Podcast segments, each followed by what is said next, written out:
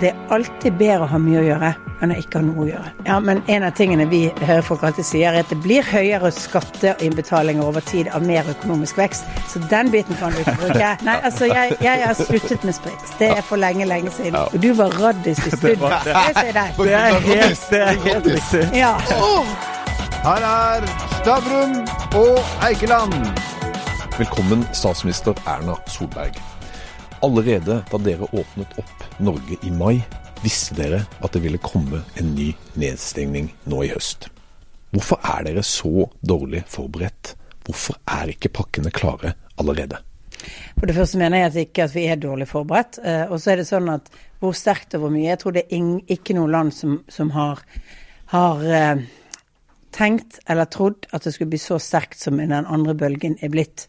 Det tror jeg ble eksemplifisert bl.a. med det Macron sa, at det var sterkere enn noen hadde planlagt for. Og så var det jo faktisk en periode hvor det var litt tvil om det kom en annen bølge. Det har jeg lyst til å si, for det, var noen som begynte å snakke om at kanskje det kom små bølger. Lokale eh, utfordringer. Og det er det vi egentlig fortsatt har i Norge. Hovedstrategien vår er den vi la i begynnelsen av mai, nemlig å slå ned lokale utbrudd. Så er de lokale utbruddene ganske store i Oslo og området, og i bergensområdet. Men vi har fortsatt ikke et nasjonalt stort utbrudd, men vi har hatt flere utbrudd, av, og de er kommet hyppigere. og Det er derfor vi er nødt til å ta ta tak i tingene igjen. Så har vi hele tiden hatt pakker som vi har snakket om hvorvidt vi skal videreføre. Så er det klart at i utgangspunktet så signaliserte vi en pakke som var begrenset til utelivsbransje og til reiseliv. Det er jo fortsatt de to bransjene som rammes mest også av det som skjer nå. Sånn at de ville vært innenfor en pakke uansett.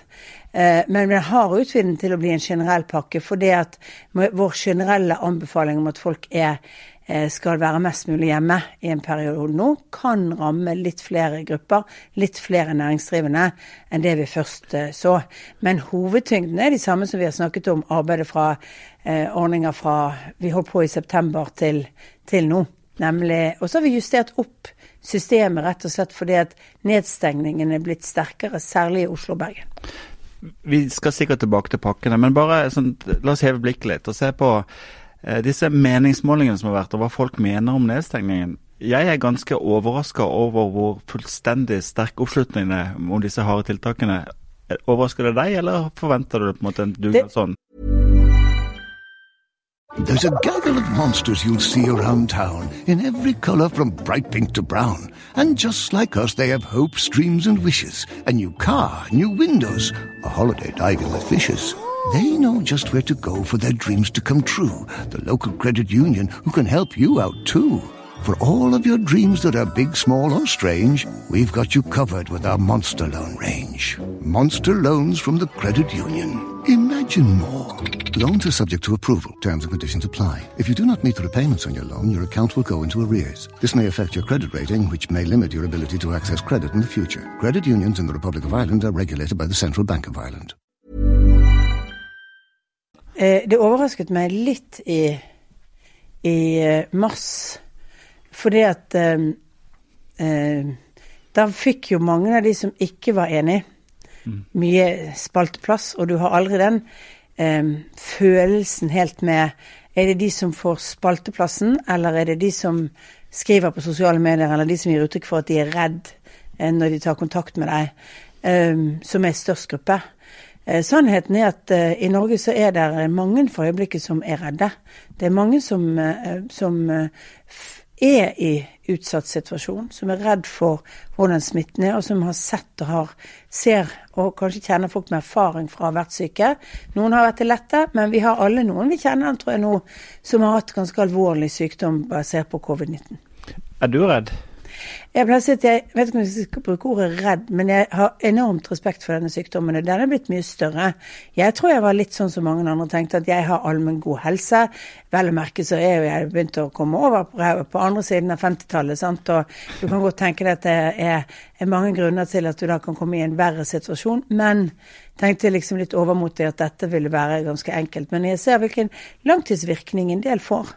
Uh, selv om de ikke er dødelige for så mange i, yngre aldersgrupper eller under de aller eldste, fordi helsevesenet vårt fungerer, så er det klart det er en del som har noe langtidssykdom basert på dette, som setter ned allmennhelsen deres mye. Men når du ser konsekvensene for, for veldig mange, særlig arbeidstakere, men også, også bedrifter, mm. små bedrifter, altså de konsekvensene får med både uh, det å være permittert og, og ha dårlig råd og, mm. og sånt noe. Får du ikke litt sånn uh, angst for dem også? Altså sympati for dem òg? Ja. Absolutt. Og det, det, det, er Jeg pleier å si ofte når Særlig når jeg møter en del av de som representerer de som har stått mest på, og som selvfølgelig skal både klappes for og snakkes pent om og, og eh, takkes for den jobben de gjør. Om det er folk som har jobbet i varehandelen under stress og smitteforhold, og, eh, eller jobbet i sykehusene. Eh, de jeg syns egentlig aller mest er viktig å snakke om, er de som står i smittevernet i kommunene, og særlig i oppfølgingen på arbeidet med altså, De som har den kjedelige jobben å sitte og ringe og ringe og ringe og spørre, altså gjøre folk oppmerksom på at du må gå i karantene, eller at du må gå og teste deg. Det er mange som er ganske slitne av det. Men de som har det aller best, og det pleier jeg å minne på når jeg møter dem, det er faktisk de som ikke har noe å gjøre.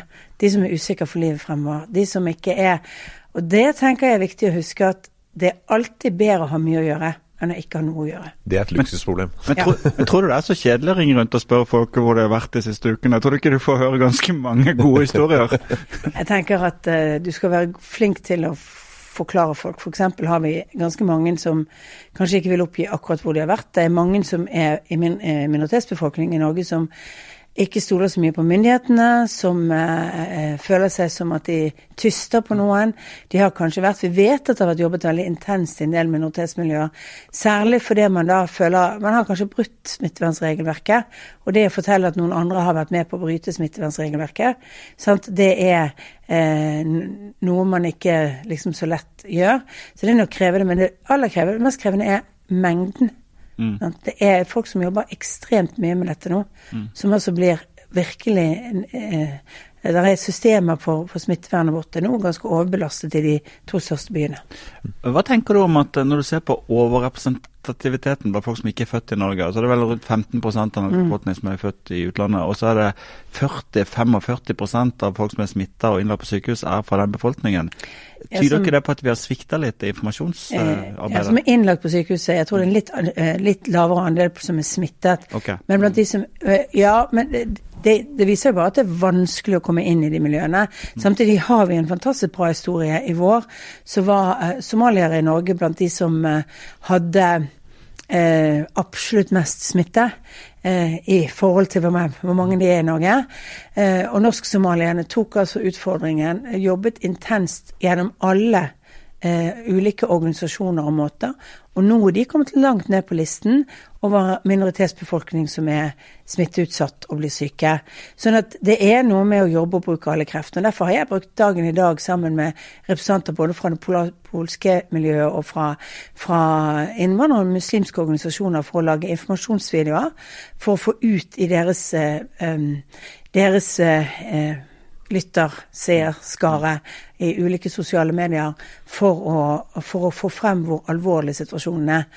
Eh, og det er dessverre sånn at det er ikke alle Det er veldig mange som har fulgt regjeringens pressekonferanser, mm. men det er ikke alle minoritetsbefolkningen i Norge som gjør det. Det er fortsatt noen som fortsatt helst ser på hjemlandets eh, kanaler, får informasjon andre veier, og som er for dårlige i norsk. Men, men eh, når vi ser på disse pakkene og hvordan de er, er satt opp, disse næringslivspakkene er det et fint eksempel på at det er for få personer som sitter i beslutningsjobber eh, eh, fra det private næringsliv. Altså, jeg tenker sånn med altså Det å ha litt uh, følelse med kontantstrøm, cashflow osv. Eh, disse næring, altså restaurantene og hotellene, de trenger pengene nå. De ja. trenger det ikke, altså, altså Den forståelsen av det, er, er det mangelvare, eller? Vi mangler jo ikke den forståelsen. Problemet er jo og, og hvordan vi skal klare å gjøre det. Vi, vi hadde en sånn ordning i vår hvor du kunne lett søke og komme tilbake, den har nesten knokket skattesitaten vår. Det er det vi så. Det kan vi leve med, nei. nei, vi bør ikke det. For det dreier seg om skatteinntektene og velferden vår fremover. Men, men eh, Og det skyldes jo at etterarbeidet ble så stort. Og det skyldes at den typen ordninger, selv om vi er et tillitsbasert samfunn som vi skryter mye av, den ble for åpen for at folk fusket.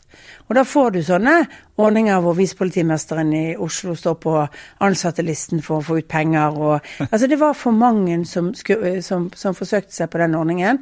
For mye etterarbeid som ble gjort. Og det blir sånn valg. Så nå har vi et annen måte. Vi skal jobbe intenst for at det kommer raskt ut. Men um, Eh, det er også eh, det er vanskelig å bare ha sånne systemer uten at du får eh, relativt mye fusk. Og relativt mange som er ute etter å stikke av med penger de ikke har rett på. Men Samtidig så er det jo mange bedriftseiere som nå får tap helt uforskyldt. De har jo ikke noe ansvar for pandemien. Og de, selv om de får dekka liksom en liten andel egentlig av selv uunngåelige faste kostnader, så går det jo utover folks formue. Eh, Syns du at, eh, at fordelinga av eh, byrder mellom privat og offentlig sektor er rettferdig? Det er ingen tvil om at privat sektor eh, i dag eh, tar en veldig stor del av denne byrden. Samtidig så har vi gjort mye for å lette på den. Vi senket arbeidsgiveravgiften eh, betydelig i, i, en periode i vår, som ga alle, både de som gikk dårlig og de som gikk godt, eh, hjelp, eh, som jo lettet på kostnadene. Vi har utsatt mye. Vi har låneordninger, og det er jo kanskje svaret først og fremst på dette cash nå. Vi har jo laget eh, låneordninger hvor staten inne garanterer sånn at du for å få likviditetslånet over med bankene pengene eh, til en relativt god, altså lav rente, så, så, så, skal det være mulig å få til for alle de som er sunne nok til at de vil overleve. Foreløpig er det fortsatt sånn, har ikke jeg sett det siste månedens statistikk, at vi har færre konkurser nå enn det vi har hatt de andre årene. Så foreløpig har de ordningene vi har hatt bidratt til å holde liv i mye aktivitet. Kanskje litt for mye i forhold til at det er noen som bare har utsatt utfordringene. Men det vi ser nå, tyder på at du skal ikke være sikker på at den tendensen varer. Eh, for folk klarte den første bølgen, men det, det å få eh, er du restauranteier, så er det tøft å miste juleomsetningen f.eks. Det er det, og derfor håper jeg at vi kommer tilbake nærmere jul med litt mer. Men, dette, men november er en måned hvor vi må regne med at blir tøff for de aller fleste. Og så kan du si at det er, det er, dumt for de næringene, men det er de næringene som også har mest direkte personkontakt. Det er der det er vanskeligst eh, eh, å, å, holde kontroll på smitten. Og jeg har hørt mange si at det har ikke vært noe smitte. Husk at veldig mye er vi ikke sikre på hvor folk har blitt smittet sånn som det er i dag. Og det er nok en stor sannsynlighet at en del av de er blitt smittet i utelivet eller på T-banen eller i kollektiv, sånn som vi ikke vet hvem du er blitt direkte smittet av. Så har vi jo noen eksempler på på utbrudd eh, som har vist ganske store smittesituasjoner eh, på noen utsteder. Og så kanskje den aller viktigste eh, indikasjonen er når vi ser på hvor folk jobber som er smittet. De to øverste gruppene med høyest grad av smitte i Norge er ikke sykepleier, leger eller andre, de som mange tror. Det er bartendere og servitører. Mm. Og så er taxisjåfører på neste. Det betyr at også for de ansatte i denne næringen er det viktig at vi holder godt smittevern, og at vi får ned smitten. Vi skal prøve på en litt vanskelig, vanskelig øvelse. for dette, dette, er jo en serie podkaster med også partiledere, hvor vi er litt opptatt av ideologi og litt lengre briller. Eh, så vi, vi skal bytte tema litt fra pandemien til, eh, til vanlig politikk. Eh, mm. Jeg tenkte meg, for, par, for, en uke siden så hadde vi Bjørnar Moxnes her, og han sier at, at størrelsen på offentlig sektor er et tegn på hvor sosialistisk et samfunn er. Er du enig i en sånn analyse? Eh, nei, det er jeg ikke enig i. Eh, jeg mener at frihetsgradene til folk måles på veldig mange andre parametere enn størrelsen på offentlig sektor. Men offentlig sektor, når offentlig sektor blir for stor og eier for mye og har for mye, så blir det en utfordring på noen balansepunkt i, i et demokrati. Så er det veldig viktig å være obs på det. Altså eh, hvis man går tilbake igjen til 70-tallet, så snakket man veldig mye om eh, sant, altså staten måtte eie mindre, staten skulle eie mindre. Måtte, sant? Den gangen hadde vi en eierskapspolitikk som var veldig aktivistisk, hvor, statens, hvor staten ikke klarte å være kommersiell. Eh, men, eh, men, utsatte mange omstillinger fordi at eh, man satt med eierskapet. Det endret seg på 80-tallet. I dag har vi en annen statlig eierskapsbit som kan fungere bedre sammen med det maktfordelingsperspektivet. Men, men eh, sånn at man ikke det, det, man er redd for, er jo at hvis staten eier noe i en bransje eller en sektor, så vil man forfordele sin egen bedrift i forhold til andre, at det blir for mye makt. Men overordnet så er dette en utfordring. Og Derfor betyr det at du må bli enda mer vaktbikkje hvis du har en stort offentlig engasjement i enkelte sektorer, på at det ikke gjør at du mister f.eks. konkurranseelementet, eller eller at du da gir fordeler til det som er statlig organiserte eh, eierskap og statlige interesser. Du skjønner jo hvor jeg skal. Altså, Er det et paradoks at vi etter en syv år med borgerlig regjering har en større sek offentlig sektor enn noensinne? Vi har også mye høyere både skatte- og avgiftsinnbetalinger enn vi hadde når du overtok. Hva er forskjellen på deg og Jonas i disse syv årene? Ja, men en av tingene vi hører folk alltid sier, er at det blir høyere skatteinnbetalinger over tid av mer økonomisk vekst. Så den biten kan du ikke bruke. Det syns jeg var en veldig dårlig høyrepolitisk standpunkt. Altså, vi mener jo at vi skal ha mer skatte- og avgiftsinntekter fordi at økonomien går bedre. Eh, at skattegrunnlaget blir bredere, og at vi derfor kan finansiere velferden. Det er jo hele okay, jeg dynamikken. Jeg kjøper den, men ja. offentlig sektor kommer du til å kunne Nei, men altså, og det er et dilemma. Og dilemmaet er i Norge er at når vi har hatt en stor, stor uh, oljebasert økonomi, så vil vi i en periode ha veldig mye For det første er staten det som er rikt i Norge. Vi kommer til å ha en veldig stor periode hvor for å stimulere annen type privatdrevet næringsliv, så vil staten også ha en rolle. Og det tror jeg vi som er konservative må, være, eh, må, må innse at staten har en rolle i dette i en periode. Når vi f.eks. sa i valgkampen i 2017 at eh, vi ønsker å øke til mer enn 1% av BNP i offentlig finansiert eh, forskningsvirksomhet for næringslivet, så dreier det seg om at hvis vi i fremtiden skal ha en mindre stat, så må vi ha flere, intre, altså flere, ben å stå på. Og da må vi bruke den kapitalkraften vi nå har til å hjelpe bedrifter til forskning, utvikling og annet. Så vi er jo i en transformasjon, og så har vi vært igjennom noen vesentlige kriser.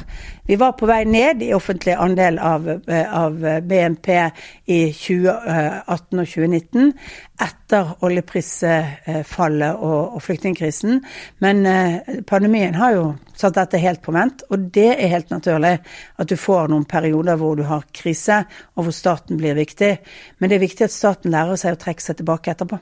Men, men vi kommer jo ikke unna at nå er over halvparten alle nordmenn de er avhengig av utbetalinger fra det offentlige, enten i form av lønn eller pensjoner eller andre trygder. Altså, Kan dette fortsette?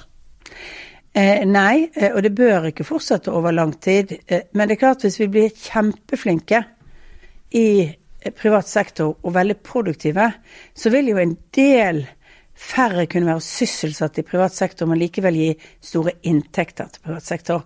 Det er noen av de vanskelige dilemmaene. Altså, med en mer robotisert, mer automatisert eh, økonomi, så vil du i privat sektor ha færre ansatte, mer teknologi, men større skatteevne kanskje fremover. Eh, sånn at det, Da betyr det at kanskje mer av arbeidskraften vil være på tradisjonelle områder hvor staten har en større rolle. Eldreomsorg, skolevirksomhet, alt den. Alle de sektorene som er arbeidsintensive. Så du kan ikke bare måle i hvor mange som er på de ulike bitene. Du må også se hvor er verdiskapingen, hvem er det som bidrar. Og Det som er mitt største bekymring, er at man ikke forstår at før vi kan ha en stor offentlig sektor, så må vi ha en stor privat sektor for å finansiere den. Men er ikke det samme kravet til produktivitetsvekst også for offentlig sektor? Altså, Trenger de virkelig så mange folk om Nei. fem år? Nei. Nei, og det er derfor vi har en ABE-reform f.eks., som jeg med interesse har merket meg at alle opposisjonen bruker pengene av hvert en gang de fremgang, legger frem alternative statsbudsjettene sine. Og nå er det oppe i 10 milliarder kroner de har spart på den måten. Det, Men samtidig bare forklare, forklare hva det er. Det betyr at hvert eneste år så må offentlig sektor eh, i utgangspunktet tenke at de skal drive 0,5% mer effektivt. Og det er jo egentlig en ordning som sier at enhver leder må tenke at jeg skal effektivisere med 0,5. Så er det noen som tror at effektivisering bare er å kutte. Nei, det er jo å levere tjenester på en mer effektiv måte. Det kan jo være å ha penger til å digitalisere f.eks., sånn at du kan levere bedre tjenester. Vi har mange gode statlige tjenester som har eh, redusert antallet ansatte pga. digitalisering og fått mye bedre tjenester til innbyggerne. Eh, men du må hele tiden tenke på at du har dette kravet for Og når vi gjør dette over tid, så blir det et, eh, et moment, et krav som du alltid tenker på. Og det er veldig enkelt å si at dette er feil, og det bør vi ikke gjøre. og på andre ting. Hvis det er noen områder som vi ser at dette nå blir det ikke mulig å levere godt nok på den sektoren med dette. Eh, da kan det være at vi er nødt til å si at ok, eh, vi må ekstra bevilge til den sektoren, men at alle har denne effektiviseringskravet i bunn, det gir at du får mye bedre løsninger. Ja. Og jeg tror jo på et samfunn hvor ledelse er viktig. Altså hvor hvor lokal ledelse rundt omkring kan bidra til en effektivisering som det å flytte på bokser som offentlig omorganisering ofte er. Det er eh, ikke kommer til å gi samme biten, men også hvor ting kommer nedenifra og opp. Og med et sånt krav så kommer jo tankene nedenifra opp. Du vet dette som er rammebetingelse. For oss som jobber i privat sektor, så er jo det å, å, å rasjonalisere med en halv prosent i året eh, altså, Jeg skjønner ikke hva de snakker om når det er sånn brutal ostehøvelkutt. Altså, det, retorikken forstår jeg ikke. For det skulle bare mangle at ikke man klarer det.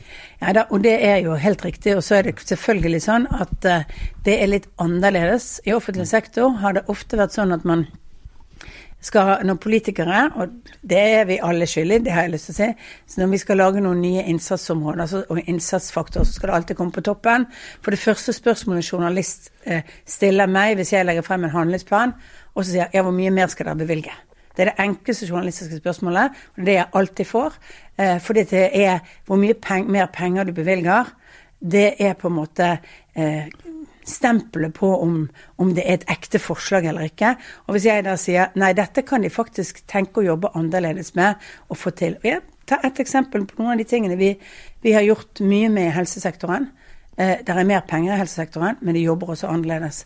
Alle disse pakkeforløpene som vi har innført som er logistikkløp, ja, de krever omorganisering, de leverer bedre kvalitet, og det koster ikke nødvendigvis mer penger. Selv om de også har fått mer penger for de skal behandle flere. Men det er mulig å stille krav til måter man jobber på i offentlig sektor. Men, men jeg liker akkurat det du sier nå om effektivisering. Jeg snakka faktisk med din forgjenger om det, og han, sa at uh, skal vi ha en sterk offentlig sektor videre, så må faktisk den også bli mer effektiv. Uh, men du sier jo det at, at, i privat sektor så er det når du effektiviserer, du digitaliserer og får eh, bedre løsninger, så, så, så, faktisk får folk sparken. Eh, innen offentlig sektor er de ansatte freda der? Nei, det er de ikke. Men det er klart det er et større stillingsvern for folk ofte i offentlig sektor. Og en av de tingene som bl.a. skjer, som jeg syns jo var litt dumt, f.eks. med regions, regionsreformen som vi har hatt, der var enigheten på Stortinget mellom de fire partiene på ikke-sosialistisk side at vi skulle også ta ut effektivitetsgevinstene. Men når da Arbeiderpartiet, SV og Senterpartiet kommer i, med makten i de fleste av disse, så lager de garantier mot at noen skal sies opp. Da får ikke vi ut den effekten vi skulle ha av administrasjonen. Og noen steder gjør de jo dette fordi de skal opprettholde dette for å motvirke hele reformen. Sant? Så det er jo av og til vanskelig å gjennomføre de tingene, fordi det blir kryssende politiske flertall. Mange kommuner, ikke så mye nå på kommunereformer, men tidligere på kommunereformer har jo ofte blitt undergravd av det faktumet at uh, de som var imot kommunereformen, for makten. Og så har de på en måte også hatt en interesse av å bevise at det var feil. Og vi har noen kommuner som jeg husker når kommunalministeren gikk tilbake inn til 90-tallsendringene, så, så uh, mangelen på eierskap lokalt til selve reformen gjorde at reformen ble ganske dårlig. Og det må man også tenke på i offentlig sektor. At eierskap kanskje ja, ja, for nå sitter, du, nå sitter du saksbehandler som tjener over en million, leste jeg i Nettavisen her for noen dager siden. I noen ja, kommuner. Og så er det jo, altså, sant, det, samtidig så er det jo sånn at hvis man gjør en avtale om at en sjef i privat sektor skal gå, så får de med seg en sluttpakke. Gjør du det i offentlig sektor, så får du veldig mye kjeft. Og vi har en regel om at du kan ikke få mer enn et gitt antall nivå. Ja, da blir det jo ofte sånn at for å flytte på folk, så blir du flyttet over i en behandling. Du beholder lønnen, men du gjør noe helt annet. Og så virker det veldig urimelig. Men dette er jo litt sånn lønnsgarantiordninger. Sant? Altså, de fleste folk i Norge har én altså, har, Særlig hvis det ikke er et saklig grunnlag for oppsigelsen. Det kan være bare at dette er måten å løse en konflikt i den delen av Det er ikke nødvendigvis den lederen som har gjort noe feil, men det er bare gått seg helt surt.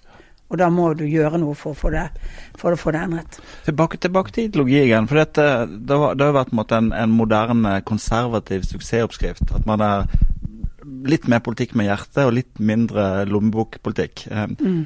Når du snakker, så, så, høres du litt lik ut som, som, eh, som, Jens Stoltenberg gjorde når han var på, måte på sitt mest sosialøkonomiske. Hvor er, hvor, er, eh, hvor er, hjertet ditt i politikken? Hva, du, hva brenner du for emosjonelt? Jeg brenner for det som er kanskje det aller viktigste jeg har jobbet med veldig veldig mange år, og det er å inkludere flere i arbeidslivet. Altså det er, og det er liksom menneske kontra milliarder. Det er å snakke om, Istedenfor å snakke om alle de reformene når du skal kutte på velferdsordninger eller gjøre ting, så er det å snakke om hva er det som er barrierene for at folk deltar. Og jeg syns jo at noen ganger så har, har også i mitt parti eh, vi talt på en måte som hvor vi liksom eh, tror at, hvis du, at det bare er velferdsordningene som er barrieren for at folk jobber. Nei, det er f.eks. at du ikke har en arbeidsgiver som vil satse på deg. At du ikke, For det hullet ditt i CV-en er blitt så stort at det er vanskelig å komme inn. Og da, eh, og da er det viktig å snakke om hva er det som er barrierene. Det er kompetanse noen ganger. Derfor har vi en stor kompetansesatsing. Det er mangelen på den arbeidsgiveren. Derfor jobber vi med inkluderingsdugnaden for å få overtale arbeidsgivere til å tørre å prøve. Og så er det denne eh, troen man veldig ofte hadde på at før du begynner å jobbe, så må du kunne alt mulig. Og eksempel så må du bli frisk hvis du har psykiske problemer, eller du må være veldig god i norsk hvis du er innvandrer. Så blir du gående utenfor istedenfor at du er aktivt. Og jobbe er helse. Altså jobb er helse. Det å føle at andre trenger deg, er helse. Det å mestre livet ditt er helse. Derfor har vi nå et arbeid hvor vi sørger for at folk med psykiske problemer bør være på jobb, komme seg inn i en jobb, følges tettere opp. Det er Derfor jobber vi med at eh, innvandrere som kommer her, raskere er i jobb, og så heller lærer norsk på arbeidsplassen og i oppfølgingen av det. Og det er liksom de tingene jeg brenner for. Og det er menneskeperspektivet i dette. For det, at, det er ikke det å flytte bokser som er viktig, det er faktisk å gi folk en sjanse. Det er veldig enkelt det dreier seg om å gi folk en sjanse til å få orden på livet sitt, klare det som er utfordringene, men også å føle det som jeg tror alle vi har helt grunnleggende, og som jeg ville sagt er den viktigste konservative verdien. Å si at alle mennesker ønsker å kunne eh, finansiere, forsørge eh, sin familie, klare seg selv uten altfor mye hjelp, og gjøre folk i stand til å gjøre det. Det er på en måte målet med det. Og jeg mener at det er målet med politikken. Det er ikke systemene, boksene eller omorganisering.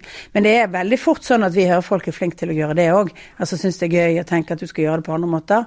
Og noen ganger må du gjøre det for å få nok penger til andre ting.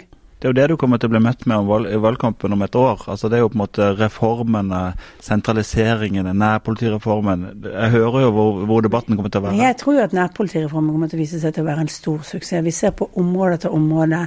Nå er responstidene bedre i Distrikts-Norge. Vi er nede på målsettingen Stortinget satt seg. Vi, vi, ser jo nå at vi får mye bedre oppfølging av etterforskning av saker. Følger mye bedre opp på der hvor kriminaliteten faktisk er, nemlig på nettet. Beskytter barn bedre mot overgrep, rett og slett ved at man etterforsker de overgrepssakene mye bedre. Det er en helt annen kvalitet. Ja, så er det ikke nødvendigvis nok politifolk alle steder, men det er mer politifolk ute enn det var tidligere. Du kan innrømme at navnet var dumt? Nei, altså jeg tenker at eh, om, nær, altså det viktige det, det spørsmålet er hva du definerer som nært. Ja. Altså Jeg mener at det er nært på der kriminaliteten er, og det mener jeg vi når. Så må vi snakke om at det er kvalitet det dreier seg om. Men, men det, var, det, var egentlig, det, var, ikke egentlig for at du skulle forsvare Nei, men, men, men, mer på en måte, det, det er jo akkurat dette de kommer til å angrepe deg for. Alle de reformene organiseringen og endringene. Men vi hvis Norge skal bevege seg fremover og klare utfordringene, så er vi nødt til å få kvalitet gjennom å omorganisere oss. Vi kan ikke bare få kvalitet gjennom å pøse mer penger på de strukturene som er. Og på noen av disse områdene så bruker vi både penger og omorganisering, men vi må gjøre noe annet. Vi kan ikke fortsette å ha, eh, svare på, på fremtidens utfordringer med, altså med, med, fortidens løsninger, når de løsningene ikke treffer der hvor utfordringen først og fremst er. Og så er det selvfølgelig mange som ønsker mer av alt, at du skal klare begge deler. Men vi må være Det er av og til noen valg du må gjøre. Og jeg er helt ærlig, jeg har valgt at vi har et politi som kan eh, bekjempe overgrep mot barn, som viktigere enn at vi har et politi som er til stede der kriminaliteten ikke er. Litt til deg personlig. Du, du, er jo allerede historisk, men du går altså på et nytt valg hvor du har relativt Eh, ja, det, det, er ikke uten sjanser til å gå på fire nye år som statsminister. Hva er det som holder deg gående? Det er ganske tøft å være statsminister så lenge. Det er tøft å være statsminister, samtidig så er det jo Det er kanskje rart å si at det er gøy, men det er jo Altså hvis du er levende opptatt av samfunnsutviklingen, hvis du er levende opptatt av av hvordan det norske samfunnet skal utvikle seg. Hvis du får den muligheten jeg har hatt nå til å jobbe med kjempeflinke folk, både de som er statsråder i regjeringen, men også et embetsverk og andre, så er det jo en glede hver dag å gå på jobb, selv om det noen dager er surere enn andre og kan irritere deg over morgenavisen, altså avisen når du åpner og opposisjonen som mener noe. Nei, altså. Jeg, alle bjeffer. Alle, alle, har vel en sånn tendens til å si at ja. Men det går fort over. Men du må liksom se det der som, en, som også en uh, glede og et meningsfullt. og, og og, eh, og fordi at jeg har noen langsiktige prosjekter som dreier seg f.eks. det om å inkludere bedre. Sørge for at Norge er fortsatt et samfunn og, hvor jeg mener at det er vår politikk for å sørge for at flere kan komme inn i arbeidslivet, som kan oppleves litt tøft for noen, litt krevende for andre, men som jeg mener på lang sikt er absolutt best for hele samfunnet vårt. Altså Det krever at du har stammen til å stå. For dette er, jo, dette er jo store skuter som skal snus. Uføretrygdingsskuten skal snus. Det, det tar sikkert 20 år. Gradvis har vi sett at folk står lengre i jobb. Um, vi hadde jo et lavpunkt på tror jeg på, på 90-tallet omtrent, hvor vi var nede i at gjennomsnittlig avgangsalder var under 60 år i Norge, når du tok med de som ble uføretrygdet. Vi har gradvis sett at dette går oppover i Norge. Det er en viktig del av, eh, av å gjøre samfunnet vårt bedre, også for neste generasjon. Men, men vi må tøyse litt også. for I forrige valgkamp så ble jo Sindre Finnes, eh, din mann, eh, nærmest berømt på sitt utsagn. Han ble spurt om hva han gjorde når du ble sur, så sa han at det gjaldt å finne fram en pose med lakrisbåter fort. Når fikk du lakrisbåter sist av din mann? Det, det, er faktisk en, liten stund siden jeg fikk lakrisbåter av min mann, så sånn sett så er det ikke. Men uh, jeg tror uh, jeg, jeg, Vi blir jo alle mer tålmodige over tid, sant. Og lar ikke alle ting gå så mye inn på en. Og så tenker jeg at Er det én ting jeg har lært i løpet av min tid som, som, uh, som statsminister, men også det er jo hvor fort mediebildet skifter. Hvor, og hvor hvor lite folk egentlig får med seg disse dag-til-dag-bølgene som alle i boblene er opptatt av. Altså, det går, glir forbi. Det er folk får det, det går så fort, og det går, det går, så ekstremt fort i politikken i dag. Jeg har noen ganger sagt at, at det føles jo som at det er skriftlig spørsmål på Politisk kvarter, og så er det er det riksrett på, på Kveldsnytt, fordi at man skal overby hverandre for å komme på i mediebildet. Eh, og da går det også fort over igjen. sant? Altså, og, og, det flytter forbi folk fordi at folk ikke det, Mediebildet, hvordan vi konsumerer, har endret seg veldig. Jeg må ta en oppfølging, Ola. bare fordi at når du, når du så intervjuet med hjemme på kjøkkenet til Jonas Gahr Støre, ble du overraska over at Jegermeister var noe han tydde til? Eh, jeg, eh, jeg, tenkte egentlig ikke så veldig mye, mye over det, men, men, som alle andre så blir du jo nysgjerrig på hvordan folk har det hjemme. Sant? Så, så Fint kjøkken. Hyggelig å være der. Ja.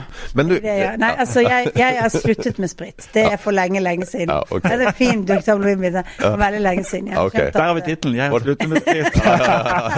tenkte, var det når uh, KrF kom inn i regjering, det da? Nei da. Å nei, det er mange år siden. Det var da jeg skjønte at dette Ja. Oh, ja. ja hva, hva, skjedde da? Nei. Nei, nei, det var, det var, ikke noe mer enn det at man må bare skjønne at, eh, at, uh, at den, beste, denne altså. typen jobb denne typen jobb som jeg har, og uh, og alkoholkonsum, det går ikke spesielt godt sammen. Men eh, Siv og Sylvi, eh, er det bedre å ha de i regjering eller utenfor? Jeg skulle ønsket meg de tilbake igjen i regjering. Det har jeg i utgangspunktet ønsket at alle fire partier skal komme i regjering. Men jeg har også sagt at vi er for enhver borgerlig regjering som bidrar til at vi klarer å få et bredt borgerlig samarbeid. Og det er det som er min ambisjon og ønske, det er at vi har et bredt borgerlig samarbeid. Når vi satt alene i regjering, Høyre og Frp, så gikk det noen ganger kule varmt, men vi hadde et godt samarbeid. Og så måtte vi strekke oss i Stortinget til KrF og Venstre. Og det er på samme måte når vi sitter nå, at det kan gå en kule varmt med Venstre og KrF og Høyre i regjering òg. Saker vi ikke alltid er helt enige om. Men, eh, og vi må strekke oss eh, i Stortinget for å møte Frp. Men det må være en rimelighet i all strekkingen. Det mente Frp veldig tydelig når vi satt i regjering, og det håper jeg at Frp husker at de mente nå når vi skal møtes til budsjettdiskusjoner. Det, men vi har altså drevet nå med syv år, dette er syv år samarbeid, som er preget av alle de fire partiene.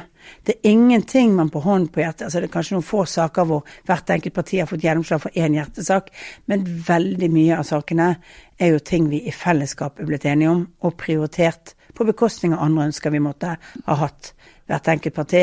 Og, og Derfor så er jo det vi har hatt disse syv årene, en sum av de fire partienes politikk. Mm. Uansett hvem som er innenfor og hvem som er utenfor. Men tror du, altså hvis du ser på USA, så, så er iallfall min oppfatning at Donald Trump vant nesten Eh, som følge av at det var udugelighet på den motstandersiden. Hvis vi tar det til Norge, så er det jo fullstendig kaos på venstresiden. Altså, Er det Trygve, er det Jonas, er det, må de ha støtta Rødt og MDG? Altså, det er bare, mm. Du vet ikke hva du får. Tror du det kan redde deg som statsminister? Jeg tror jo at sånne ting kan bidra til eh, at man eh, kanskje vet mer hva man får hvis man får en borgerlig regjering, enn enn hva man får hvis man får en, en eller annen variant av en rød-grønn regjering. og det som er eh, litt det samme som vi møtte i 2013 fra, fra Jens Stoltenberg, som mente liksom at eh, Som alltid tok de verste bitene av eh, ulike partiers politikk fra hans ståsted, da, og dro det ut i det nesten ugjenkjennelige, sant, som var eh, løsningen på sånn kom det til å bli. Sånn blir jo litt av utfordringen for venstresiden også, at Eh, du kan jo ikke være sikker på altså Arbeiderpartiet kan nå si at de ikke skal øke skattene mer enn det og det, og at ingen skal få skatteøkninger hvis du har under en inntekt på Men de har jo ikke de andre partiene med. Vi har jo ikke en garanti for at det er der sluttsummen kommer til å, å være. Så det er mange områder vi ikke har en garanti på på hva som kommer til å foregå mellom de partiene. Og det ser jo ikke ut som de, i motsetning til det de gjorde i 2005, har enighet om noen sånne hovedpunkter. For de er jo ikke engang enige om hvem som skal sitte i regjering eh, etter valget. Eh, der er det jo ulike, uh, ulike standpunkt. Men eh, jeg tror likevel at det viktigste for oss er faktisk at vi skal bli gjenvalgt fordi folk tror på vår politikk. Ikke fordi de bare er redd for de andre. Og husk det, at det er veldig dumt å forsøke å sammenligne amerikansk politikk med norsk politikk. To partier hvor mye av jobben går ut på å få andre velg, andres velgere til å være i tvil om sitt valg, ikke gå og stemme like mye. Vi er mange partier som konkurrerer om velgere, og vi må konkurrere positivt om hva vi vil for det norske samfunnet fremover. Og så må vi være realistiske og vise til hva vi har fått til. Jeg spurte meg helt til slutt. Eh, jeg tror jeg møtte deg første gang på Universitetet i Bergen. Du satt i kollegiet. Og du var raddis i studio, det, det, det, er helt, det er helt riktig. Ja. Men jeg har et spørsmål til deg. Eh, var du allerede den gang bestemt på at politikk skulle bli din karriere? Nei, det var helt tilfeldig at jeg havnet på Stortinget, vil jeg si. Det var litt eh, Jeg tenkte ikke det. Jeg holdt på med hovedfag i sosialøkonomi og skulle få meg en eller annen jobb, om det var privat eller offentlig, vet jeg ikke engang, men innenfor det faget. og, og og så var det jo litt tilfeldig at uh, ja um, at uh, Inger Lise Skarsheim trakk seg, og hun var kvinne fra Bergen. Og når man begynte å lete etter personer til hvem skulle overta hennes stortingsplass, så var det noen som mente at de burde satse yngre og satse på noen som kanskje hadde fremtiden for seg. Så de var kanskje fremsynte. Jeg vet ikke om de angrer i dag, jeg skal spørre dem. Men det var jo ikke Jeg var ikke det naturlige valget på det tidspunktet. Det var andre damer i godt voksen alder i i fylkespolitikken og i bergenspolitikken som kanskje folk hadde større tro på enn en at det, det Men, eh, og jeg var også litt forbauset når nominasjonskomiteen faktisk kom med meg på tredjeplass den gangen. Jeg eh, hadde vel mest sagt ja til å være med i en litt demonstrasjon fra Unge Høyre fordi at de ville ha noen som var litt, litt yngre, selv om jeg ikke var Unge Høyre på det tidspunktet. Men du har forlatt Bergen for bestandig? Nei, det håper jeg ikke. Og jeg har jo hus i Bergen, og vi er jo hjemme og feirer der. Og vi, så vi forsøker å ha god, god kontakt. Så det er fortsatt hjemme for meg.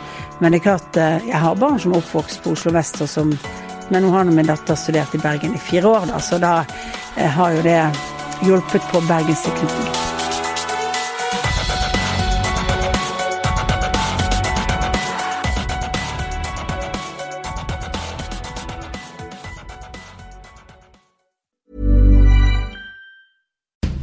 Irish Life Health's Benefit Extra plan does more to help you embrace a healthier lifestyle. So this January, we're giving you a free Fitbit looks when you sign up to this plan. Search Irish Life Health today. We know Irish Life. We are Irish Life Health. Irish Life Health Act is regulated by the Central Bank of Ireland. Offer available to customers age 18 plus who buy a benefit extra plan from the 1st to the 31st of January 2022.